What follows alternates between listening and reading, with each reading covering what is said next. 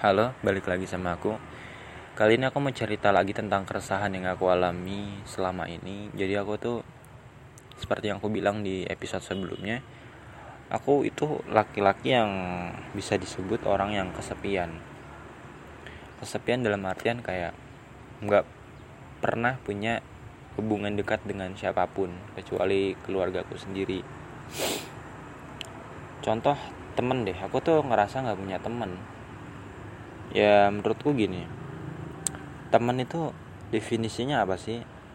Menurutku temen itu emang ada yang definisinya orang yang hadir dalam hidup kita, terus udah kayak nggak selalu ada buat kita tapi pernah hadir gitu. Atau yang makan bareng main bareng dari kecil sampai sekarang tapi terus dipisahkan oleh kesibukan itu juga temen tapi menurutku setiap orang itu nggak punya temen ya. Setiap orang itu akan sendiri pada akhirnya. 24 jam itu kita tuh paling banyak bersama siapa sih? Realistis aja ya. Kalau kita masih punya orang tua mungkin dari umur dari lahir sampai 25 tahun kita bareng orang tua. Hampir 24 jam waktu kita sama orang tua sama keluarga kita. Kalau kita seorang kakak kita sama adik kita orang tua kita. Kalau kita seorang adik ya selama hidup kita kita bareng kakak sebelum dia nikah kerja dan sebagainya.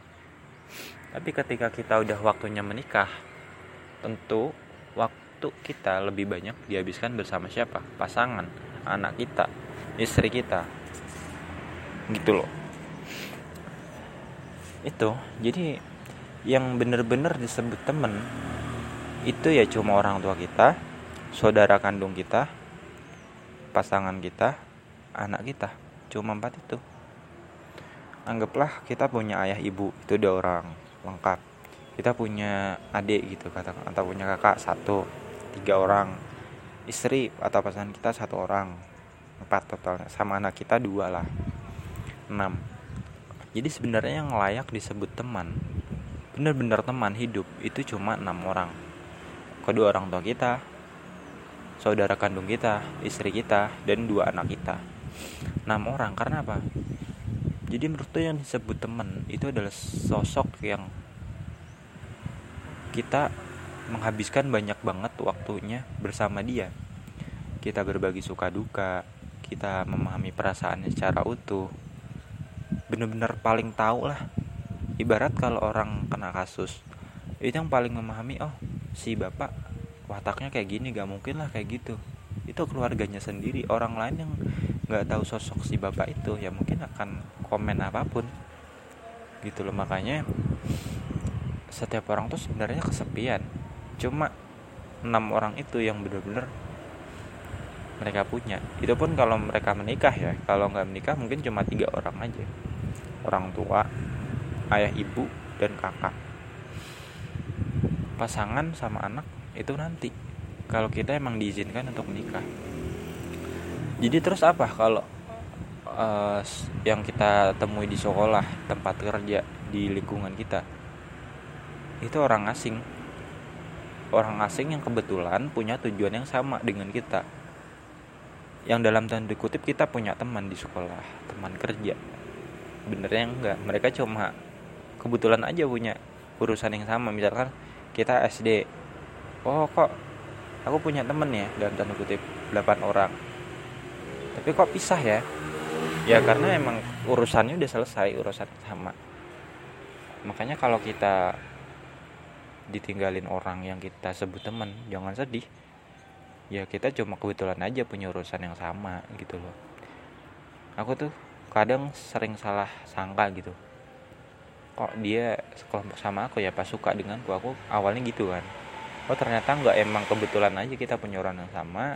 Yuk kita kerjain bareng-bareng sampai selesai. Nanti kalau udah selesai udah kita balik ke pikiran masing-masing gitu loh. Makanya ketika aku chat lagi orang ini kok dia dingin banget ya?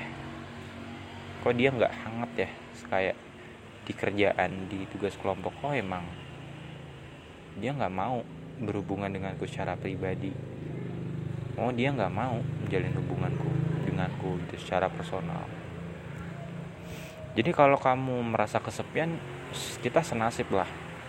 Kayak kok ramenya cuma urusan profesional ya. Misalkan urusan kerjaan itu kok enak banget ya diajak kayak gini. Tapi secara personal no nggak semua orang mau. Artinya ya sekarang aku lebih nggak usah lah mengetuk hati orang. Percuma kalau kamu ketuk satu-satu waktu kamu tuh nggak akan cukup. Kamu akan habis hanya untuk mengetuk-ngetuk. Dan kalau kamu cuma memantaskan diri aja itu juga habis waktumu. Kamu nggak nggak dapet apa pun. Jadi menurutku kita perlu seimbang ya antara memantaskan diri dengan juga mencoba mengetuk. Tapi seimbangnya itu porsinya berapa itu tergantung masing-masing yang menjalani aku harap ini bisa menjadi renunganmu ya bila kamu punya pengalaman yang sama denganku yang kesepian jujur.